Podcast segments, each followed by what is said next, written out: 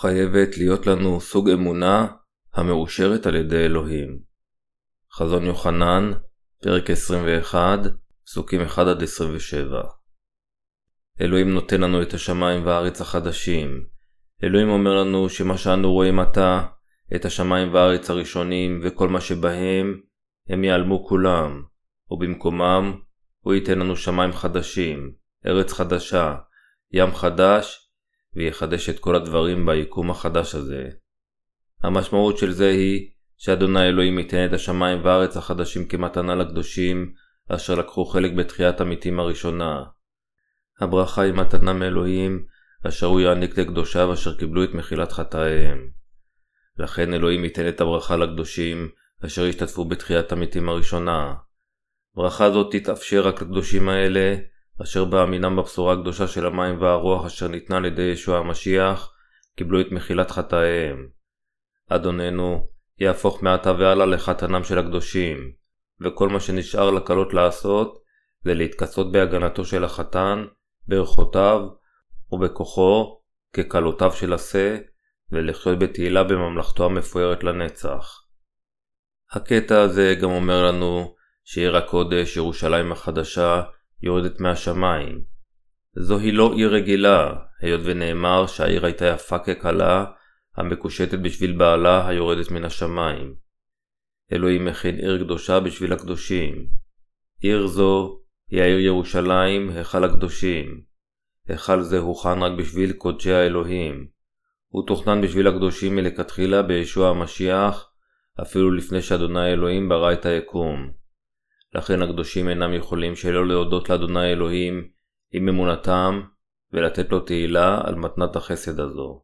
כל הדברים האלה שהקדושים נעשו לאנשי האלוהים ולכן הוא נעשה לאלוהיהם הם החסד אשר הוענק על ידי אלוהים ומתנה שהקדושים קיבלו ממנו על שהאמינו בדבר הישועה של המים והרוח. לכן, כל אלה אשר התברכו להיכנס להיכלו של ישוע ולחיות עמו, ייתנו תודה והלל לאלוהים לעד, כיוון שכתבי הקודש אומרים לנו שאלוהים ימחה את דמעותיהם, שלא יהיה יותר מוות, לא בכי ולא יותר סבל כיוון שהדברים הראשונים יחלפו. למרות שעתה בעולם הזה יש צער, בכי, כאב ומוות, קינה ועצב, בשמיים ובארץ החדשים, כל סוגי הדברים האלה יחלפו. אלה אשר יחיו בשמיים ובארץ החדשים, אשר יינתנו על ידי ישוע, לעולם לא יזילו יותר דמעות של עצב ובכי, מתוך צער על איבוד יקיריהם. כאשר זמן כניסת הקדושים לשמיים והארץ החדשים יגיע, השמיים והארץ הראשונים וכל העצב שבהם פשוט ייעלמו, וכל מה שיחכה לקדושים יהיה לחיות את חייהם בתהילה, עם כל הברכות, יחד עם אלוהים בשמיים ובארץ החדשים האלה לנצח. אלוהים ייקח את כל הפגמים של העולם הראשון, ויעשה את העולם החדש הזה מושלם. הקטע העיקרי של פרק 21 מספר לנו על השמיים והארץ החדשים, אשר יבואו אחרי ההשמדה המוחלטת של העולם הזה, ולאחר שמלכות אלף השנים המתוארת בפסוק 20 תעבור. עם פרק 20, כל הדברים אשר קשורים אפילו קשר רחוק עם הארץ הזו, מגיעים לקיצם. תקופת אנטי כריסטוס, החיה, נביאי השקר, חסידיו, ואלה אשר לא האמינו באלוהים, אלא התייצבו נגדו בעולם הזה, כולם חלפו. כיוון שכולם ישלחו אל האש כאשר מלכות אלף השנים התקרבה לסופה, עתה המקום היחידי שהם יכולים להיראות בו הוא הגיהנום. לפיכך, בפרק 21 אלוהים מספר לנו שהשמיים והארץ החדשים אשר הוא ייתן לקדושים הם מקום מושלם אשר חוטאים אינם יכולים להימצא בו אי פעם. בדיוק כפי שאתם רוצים לחיות חיות פרק כאשר אתם הולכים לגן החיות, כאשר הזמן הזה יגיע, כל מי שירצה לראות את השטן ואת חסידיו, יצטרך לעשות טיול לגיהנום. במקום שבו אלוהים ייתן לנו את השמיים והארץ החדשים, גם אדוננו יחיה עמנו. אלוהים גם בנה בשבילנו את עיר הקודש, טבע יפהפה וגנים ירוקים נפלאים. כאשר השמיים והארץ החדשים יבואו, כל הדברים של העולם הראשון וכל פגמיו ייעלמו, רק האמת תתקיים, והקדושים המושלמים ימלכו בכל מלכות השמיים לעולמי עד. אל תתייאשו ממצבכם הנוכחי. העידן הנוכחי הזה הוא עידן של חשיכה וחוסר תקווה. התקווה אינה נמצאת במקום כלשהו בעידן הזה, אשר עתידו רק מתקדר ולא ברור. זוהי הסיבה שלפעמים אנו מרגישים מתוסכלים וחלשים, אף על פי שאנו מטיפים את הבשורה. באשר לעצמי, ליבי היה לעיתים קרובות מדוכדך בגלל זה, אך כאשר קראתי את דבר חזון יוחנן והסברתי את פרקיו, הבנתי שלקדושי ומשרתי האלוהים אשר עומדים בפני סוף הזמנים, אין שום דבר שהם צריכים להתעצב בגללו. כשהבנתי שהסבל הנוכחי והצרות הם בני חלוף, ושעולם זוהר התנסה ממש מול עיניי, אלוהים חיזק את ליבי, שלא אהיה יותר מוטרד. אם אנו מסתכלים רק על ההווה הנוכחי שלנו, חיינו אכן למעשה מדכאים, עצובים ולא מעניינים, ואנו מיועדים להרים ידיים מהצרות הבלתי פוסקות, אשר באות אלינו בזמן שאנו מלמדים את הבשורה. אך כיוון שכל הברכות של ישוע מתקרבות אלינו, למרות שאיננו יכולים לראותם בעינינו הגשמיות, ליבנו נגעל מכל הבלבול, ובמקום זה מתמלא בתקווה גדולה ושמחה. הסיבה שבהחלט אין צורך בשבילנו לחיות בעצב, זה מכיוון שאלוהינו כבר נתנו את השמיים והארץ החדשים שלו. האם אתם מאמינים בשמיים ובארץ החדשים? למרות שלא התנסיתם בכך, האם אי פעם ערערתם בזה? גם על כדור הארץ הזה יש מקומות יפים. כאשר אנו מדברים על חיים בסביבה טובה בעולם הזה, אנו בדרך כלל מדברים על עצים, תשעים יפים לצד נהרות, פרחים בשדות ואנשים טובים. חייבים להיות גם מים זורמים, ואסור שיהיו אנשים רעים ולא מחסור במשהו. כאשר כל התנאים האלה נפגשים, אנו אומרים שזו הסביבה הנפלאה ביותר. אך בגן עדן הכל מושלם, טוב הרבה יותר מהמקום הטוב ביותר שהעולם יכול להתגאות בו. השאלה היא, בשביל מי אלוהים מכין ויוריד את השמיים את עיר הקודש הזו הבנויה במושלמות שכזו? אלוהים בנה את העיר הזו בשביל מי אם לא הקדושים. זוהי הסיבה שכולנו יכולים לשכוח את כל מה שקשור לארץ הראשונה. למרות שנחיה בתהילה במלכות אלף השנים בעולם הבא, בשמיים ובארץ החדשים המתוארים בפרק 21, אשר אלוהים באמת רוצה לתת לנו, אנו נחיה עם ישוע בתהילה גדולה יותר. כדי לעשות כן, אלוהים יושיע אותנו כשישלח את ישוע המשיח, יקים אותנו לתחייה ויקח אותנו. לחיות עם ישוע בגוף אשר נעשה מושלם כמו גוף ישוע שקם לתחייה, מספק דמות יפה ומושלמת של החיים המאושרים והמבורכים המחכים לנו. כדי לתת לנו את ממלכת השמיים והארץ החדשים, אלוהים גרם לכם ולי להיוולד בעולם הזה, והושיע אותנו. אם הקדושים חיים בעולם הזה בתחושה עמוקה של השגחתו של אלוהים, הם כולם יכולים לחיות היטב מבלי לעמוד בקשיים, לסבול מעצב ומדיכאון. בהסתכלנו על מה שישוע עשה ומה הוא יעשה למעננו בעתיד, כולנו יכולים לחיות במרץ ובצורה חיובית. אך אם נסתכל על עצמנו ועל המצב נטול התקווה של הפוליטיקה, הכלכלה והחברה על האדמה הזו, אין שום ברירה מלבד ליפול לייאוש. אתם ואני חייבים לעולם לא לשכוח שאלוהים נתן לנו את השמיים והארץ החדשים ושגן העדן שייך לנו. זוהי המציאות, זוהי עובדה. אפילו אם העולם הזה מנסה לעשותכם עצובים, לעולם אל תתעצבו בגללו, ואל תכעסו, אלא הביטו לעבר ישוע, וחיו את החיים בתקווה ובאמונה, שישוע אכן נותן את השמיים והארץ החדשים לקדושיו. אלוהים אמר שהוא יעשה את כל הדברים החדשים. הוא אמר ליוחנן לכתוב את הדברים האלה שהוא יעשה, את כל הדברים החדשים, כי הדברים האלה אמיתיים ונאמנים הם. אלה אשר ייקחו חלק בתחיית המתים הראשונה, יתכבדו גם בכל הברכות האלה של חיים במקום שבו אלוהים יעשה את כל הדברים החדשים. זהו משהו שאנו איננו יכולים אפילו לחלום עליו עם מחשבות האנוש שלנו, אך זה משהו שאלוהים הכין בשביל קדושיו. לפיכך, הקדושים וכל הדברים ייתנו לעד תהילה, תודה, כבוד ושבח לאלוהים, על שעשה את העבודה הנפלאה הזו. התנ"ך אומר, כי האמונה היא חוסן הביטחון במקווה, והוכחת דברים לא נראים. אל העברים, פרק 11, פסוק 1. במילים אחרות, למרות שאיננו יכולים לראות דברים אלה בעינינו, אף על פי כן הם כולם נכונים. הייתה לנו תקווה להיוושע מחטאינו ועל ידי האמונה בישועתנו, אנו אכן נושענו.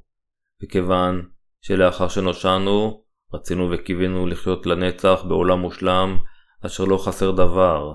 אלוהים אכן הגשים את תקוותנו למעננו. כל מה שרצינו וקיווינו לו, התגשם, כיוון שכל תקוותנו הם אמת. בפרק 10 בחזון יוחנן, כאשר אלוהים דיבר אל יוחנן באמצעות המלאך אשר עמד על הארץ והים, וכאשר יוחנן ניסה לרשום אותם, אלוהים ציווה עליו לא לרשום. מתוך הדברים שישוע דיבר, ישנם דברים מסוימים אשר הוא לא הרשה לרשום, כיוון שהם הסודות אשר הוא יגלה רק לנו, הקדושים. סוד זה, ומה אם לא הלקיחה שלנו. כדי לדעת בדיוק מתי תתרחש הלקיחה שלנו, אנו קודם צריכים להבין שהשופר השביעי של אלוהים הוא רמז מכריע בפתרון הסוד הזה. מתי אם כן ייתקע השופר השביעי?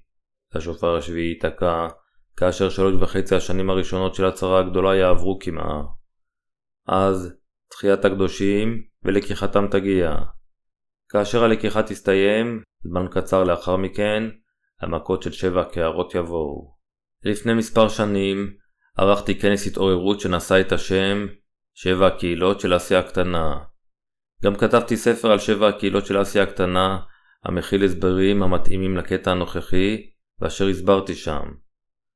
בהסתכלי על הדרשות שבספר, יכולתי להרגיש שלמרות שהזמנים השתנו מאוד, דבר האלוהים לא השתנה אפילו במעט, מבלי להתחשב בזמן החולף. האם אתם רוצים לחיות בשמיים או בארץ החדשים, במקום אשר אלוהים מכין בשבילכם ובשבילי? חוסר השלמות של עולם זה לא יימצא שם יותר. כאשר אלוהים אמר שהוא יעשה את כל הדברים לחדשים, יש אנשים אשר יכלו לפרש שהוא מעביר את כל מה שהיה כאן כמחזור. אך מפרק 21 ואילך, זה בהחלט עולם חדש, אשר שונה לחלוטין מהעולם הישן. הנולדים מחדש יקרו חלק בשמיים ובארץ החדשים האלה, אשר נעשו לגמרי חדשים על ידי אלוהים, כיוון שהם אלה אשר יתכבדו בזכות האלוהית. זה כך, במילים אחרות, כיוון שהם הפכו למשתתפים בממלכה האלוהית.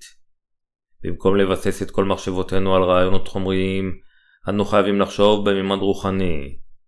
אני מתפלל שכולכם תהיו מסוג הקדושים והמשרתים אשר מאמינים במה שאלוהים למעשה נתן לנשמותינו, והאמונה שלמרות שדברים אלה עדיין לא התקיימו, אכן יתגשמו. אלוהים נתן לנו ברכות נפלאות. אלוהים אמר שהוא ייתן מעיין מי החיים בחינם לאלה הצמאים. כתוב זה אינו מדבר על בשורת המים והרוח. כאשר האנשים מאמינים שאלוהים גאלה אותם מצמאונם על ידי שנתן להם את הבשורה על הארץ והושיע אותם מחטאיהם, זוהי גם צורה של שתיית מי החיים. הקטע פה אינו מדבר רק על זה, אלא הוא מדבר על מי החיים הממשיים אשר ייגמרו בשמיים ובארץ החדשים. כל מי אשר ישתה את מי החיים האלה לעולם לא ימות, גופו יהפוך כמו גופו של ישוע, והוא יחיה עמו לנצח. אדוננו האלוהים, תכנן וביצע את כל הדברים האלה, מבראשית ועד הסוף. כל הדברים אשר ישוע עשה, הוא עשה אותם בשבילו ובשביל קדושיו. לפיכך הקדושים נקראים על ידי אלוהים בעצמו כמו המשיח, והופכים לילדיו האמיתיים של אלוהים, בהתאם לתוכניתו. אלה אשר הפכו לקדושים על ידי האמונה בבשורת המים והרוח, יכולים עתה להבין, מאמונתם באהבתו הגדולה של אלוהים ועבודתו הנפלאה, שלעולם לא יחסר להם דבר, להודות ולשבח את ישוע. כפי שישוע אמר, אני אתן לצמא ממעיין מים חיים חינם. הוא אכן נותן את מעיין החיים לקדושיו, ומאפשר להם ליהנות מחיי נצח. זוהי המתנה הנפלאה ביותר אשר אלוהים העניק לקדושיו. עתה הקדושים יחיו לעד בשמיים ובארץ החדשים, וישתו ממעיין מי החיים, אשר ממנו הם לעולם לא יהיו צמאים שוב. הקדושים הפכו עתה, במילים אחרות, ילדיו של אלוהים, אשר יהיו בעלי חיי נצח, בדיוק כמו האדון האלוהים, ויחיו בתהילה. אני מודה ומהלל את אדוננו האלוהים פעם נוספת, על שנתן לנו ברכה נפלאה זו. האמונה בבשורה האמיתית ומאפשרת לנו להתגבר על העולם. השליח יוחנן חוזר עתה לזמן ההווה שלו. פסוק 7 אומר המנצח יירש הכל, ואני אהיה לו לאלוהים, והוא יהיה לי לבן. המנצח כאן הם אלה אשר הגנו על אמונתם אשר ניתנה על ידי ישוע. אמונה זו מאפשרת לכל הקדושים לגבור על כל הצרות והפיתויים, אמונתנו באדוני אלוהים ובאהבה האמיתית של בשורת המים והרוח אשר ניתנה על ידו, זה מה שנותן לנו את הניצחון על כל חטאי העולם, על דין האלוהים, על אויבינו, על חולשותינו ועל רדיפתו של אנטיקריסטוס. אני מודה ומעלל את אדוננו האלוהים, אשר נתן לנו את הניצחון על הכל. הקדושים אשר מאמינים באדוני האלוהים, יכולים להתגבר על אנטיקריסטוס עם אמונתם, כיוון שלכולם ולכל אחד מהם, אדוננו האלוהים נתן את האמונה הזו, אשר באמצעותה הם יכולים לנצח במאבק את כל אויביהם. אלוהים אפשר את כל הקדושים, אשר התגברו כך על העולם ועל אנטיקריסטוס עם אמונתם, לרשת את השמיים והארץ החדשים שלו. אני מודה ומהלל את אדוננו האלוהים, על שנתן לנו את האמונה החזקה הזו. אלוהים אמר שלאלה אשר ינצחו, הוא ייתן כירושה את השמיים והארץ החדשים, היכן שאין דמעות או צער ולא חשש. רק אלה אשר יתגברו, יהיו ראויים לקבל אותם. האמונה של הניצחון הזה היא האמונה של בשורת המים והרוח אשר ישוע נתן לנו. זוהי האמונה אשר באמצעותה אנו יכולים להתגבר על העולם, על חטאינו, על חולשותינו ועל אנטיקריסטוס. כגמול על אמונתנו אשר מנצחת את אנטיקריסטוס, אנו בקרוב נקבל את השמיים והארץ החדשים מאלוהים. כיוון שנקבל את כל הברכות האלה בגלל אמונתנו, כאשר אנטיקריסטוס יעמוד נגדנו וינסה לקחת את אמונתנו, אנו נוכל להתגבר על כל המזימות של כל אויבינו על ידי האמונה. אלה אשר מתגברים, מאמינים בדבר האלוהים בלי להתחשב במה שאחרים אומרים להם, ושומרים על אמונתם באמת שישוע לקח את כל חטאיהם. אלה מאיתנו, לאחר שקיבלו את מחילת החטאים ולאחר שנולדו מחדש, וחיים עתה בסוף הזמנים, חייבים להתגבר על מזימותיו של אנטיקריסטוס עם אמונה. אנו יכולים להתגבר על הצרה, אשר תימשך לזמן קצר, עם אמונתנו באמת, שאדוננו נתן לנו את השמיים והארץ החדשים שלו, וכמו כן כל השפע, הפאר והתהילה. כאשר עולם טוב יותר מחכה לנו, האם במציאות נבגוד בבשורה של אמונה זו?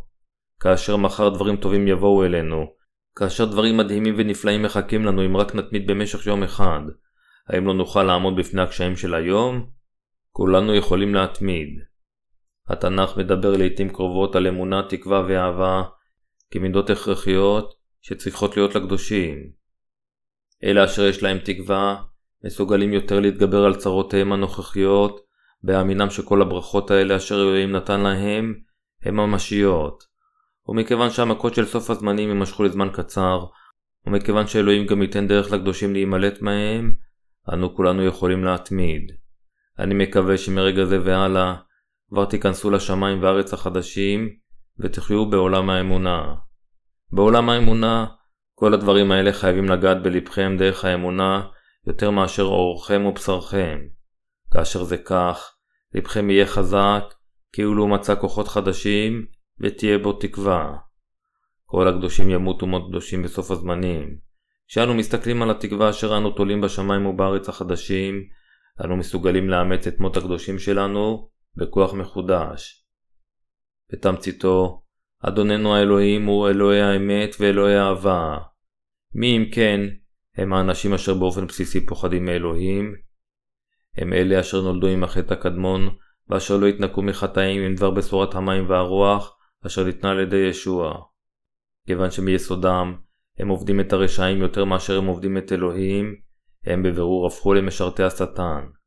מכיוון שהם עובדים את הרוע לפני אדוני אלוהים, ומכיוון שהם אוהבים והולכים אחרי החושך יותר מאשר האור, הם פוחדים לפני אדוני האלוהים. כל הפחדנים האלה יזכו באגם הבוער באש וגופרית. זוהי עובדה מבוססת שאנשים אלה, אשר הם החושך בעצמו בגלל החטאים שבליבם, אין להם שום ברירה אלא לפחד מאלוהים. כיוון שהנשמות אשר שייכות לשטן אוהבות את החושך, הן פוחדות מישוע אשר הפך לאור.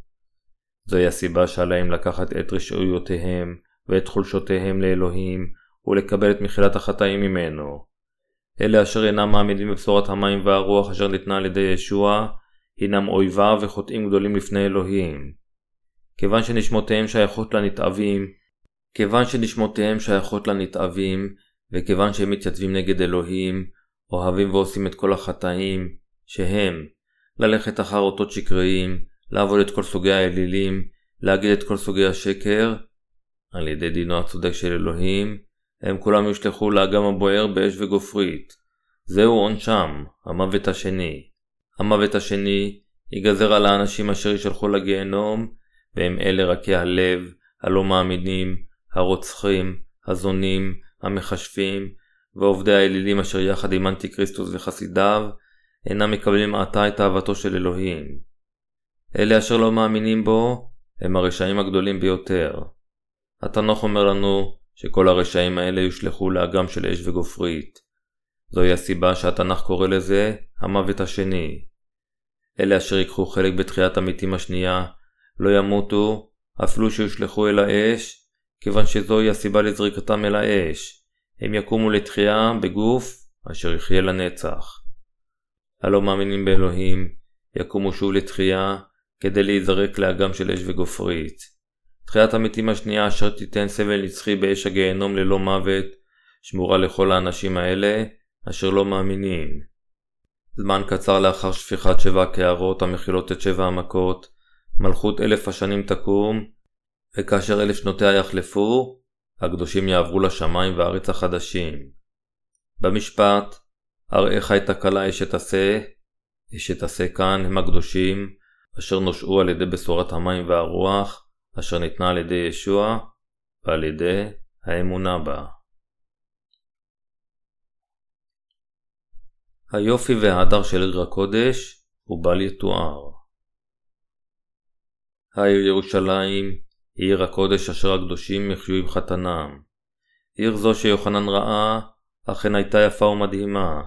היא הייתה נשגבת בגודלה, מקושטת באבני חן מבחוץ ולפנים, נקייה ובוהקת. המלאך הראה לישוע, היכן הקלות של ישוע המשיח יחיו עם חתנם.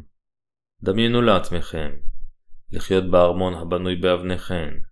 בעיר הזו הבנויה עם תריסר סוגים שונים של אבנים יקרות, אלה אשר יהפכו לקלות עשה, יחיו לנצח. עיר זו היא מתנת האלוהים, אשר הוא יעניק לקלות עשה. הקטע אומר לנו שהעיר ירושלים זוהרת בבוהק, ושאורה הוא כמו האבן היקרה ביותר, כמו אבן ישפה, צלולה כקריסטל. לכן, תהילת האלוהים עם עיר זו ועם כל אשר חיים בה. ריבונותו של אלוהים היא של אור, וכך רק אלה אשר התנקו מכל החושך שלהם, חולשותיהם וחטאיהם, יכולים להיכנס אל העיר הזו ולחיות בה. לפיכך, כדי להיכנס לעיר הקודש הזו, אנו חייבים להאמין רק בדבר האמת של בשורת המים והרוח, אשר אדוננו נתן לנו.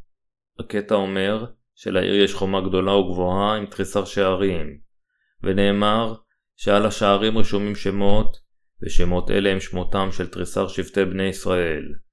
אלוהים אומר לנו שהוא אכן ולמעשה הכין את העיר הזו לקדושיו, שהיא מוקפת בחומה גדולה וגבוהה. זהו סימן רוחני שהדרך להיכנס לעיר הקודש הזו היא כה קשה. זה אומר לנו במילים אחרות שהישועה מכל חטאינו היא בלתי אפשרית על ידי מאמצי אנוש או דברים גשמיים של עולם בריאת האלוהים. כדי להיגאל מכל חטאינו ולהיכנס לעיר הקודש של אלוהים, נדרש בהחלט שתהיה לנו אותה אמונה כמו לתריסר תלמידי ישוע, אמונה המאמינה באמת של בשורת המים והרוח. לפיכך, מי שאין לו את האמונה הזו בבשורת המים והרוח, לא יוכל אי פעם להיכנס אל עיר הקודש הזו. העיר שמורה על ידי תריסר מלאכים, אשר עומדים כשומרים אשר מונו על ידי אדוני אלוהים. המשפט, ושמות כתובים עליהם מצד שני, אומר לנו שבעלי העיר הזו כבר הוחלטו. בעלי העיר הם אם לא אלוהים בעצמו ואנשיו, והעיר שייכת לאנשי האלוהים, אשר נעשו עתה לילדיו. לעיר הקודש הזו ישנם שלושה שערים בכל אחד מארבע כיווניה, צפון, דרום, מזרח ומערב. אני בטוח שישוע הזכיר את שלושת השערים האלה כאן במיוחד, כדי להגיד לנו שהם קשורים במיוחד לבשורה שאנו מאמינים בה. הראשונה ליוחנן, פרק 5, פסוקים 7-8, אומר שיש שלושה עדים המעידים על הבשורה בשמיים ובארץ. רק אלה אשר מאמינים בשלושת העדים האלה, בשמיים ובארץ, יוכלו להיכנס לגן עדן. אנו, הנולדים מחדש, מאמינים בשילוש הקדוש האלוהי ובמעשו הצדיק, אשר הושיע אותנו דרך המים, הדם והרוח. העובדה ששמות תריסר השליחים רשומים על תריסר יסודות חומות העיר אומרת לנו שישוע עשה בדיוק כפי שהבטיח, שהוא לא ימחק את שמותיהם מספר החיים, אלא ירשום אותם שם. ריס, סטדיון ביוונית, סטדיון ביוונית, היא יחידת מדידה למרחק של בערך 600 רגל, 185 מטר במידות של היום. כאשר התנ"ך אומר לנו שמידתו של כל צד של העיר המרובעת בשמיים הוא 12,000 ריס, זה אומר לנו שמידתו של כל צד הוא בערך 2,220 קילומטר, 1,390 מייל. נאמר לנו גם שהאורך, רוחב והגובה הם אותו דבר. גודלה המלכותי של העיר מראה לנו עד כמה גדולה ונפלאה היא ממלכתו של אלוהים. המשמעות התנ"כית לספרה 4 היא סבל. האמונה אשר ישוע דורש מאיתנו היא לא משהו שלכל אחד יכול להיות, אך אמונה זו יכולה להיות רק לאלה אשר מקבלים את דבר האלוהים כפי שהוא, אפילו אם הם אינם יכולים להבין את זה לחלוטין עם מחשבות האנוש שלהם. כנוצרים, זה בלתי אפשרי להיכנס לעיר הקודש של אלוהים רק על ידי האמונה בצלבו של ישוע, ושישוע הוא האלוהים והמושיע. בדיוק כפי שאדוננו אמר, אף אחד אינו יכול להיכנס למלכותו של אלוהים, אלא אם כן הוא נולד מחדש מהמים והרוח. בני האדם יכולים להיוולד מחדש רק אם הם מאמינים שכל חטאי העולם הועברו על ישוע, כאשר הוא הוטבל על ידי יוחנן המטביל, ושהוא כיפר על חטאיהם, ששפך את דמו ומת על הצלב במקומם.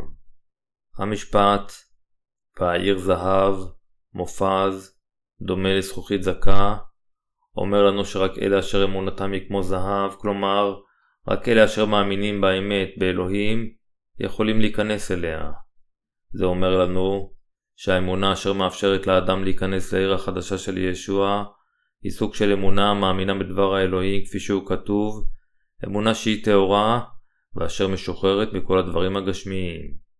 זה אומר לנו במילים אחרות, שהאדם חייב לקבל את דבר האלוהים על ידי שייוולד בתואר מהמים והרוח, יאמין באמת בדברו, ושתהיה לו אמונה טהורה.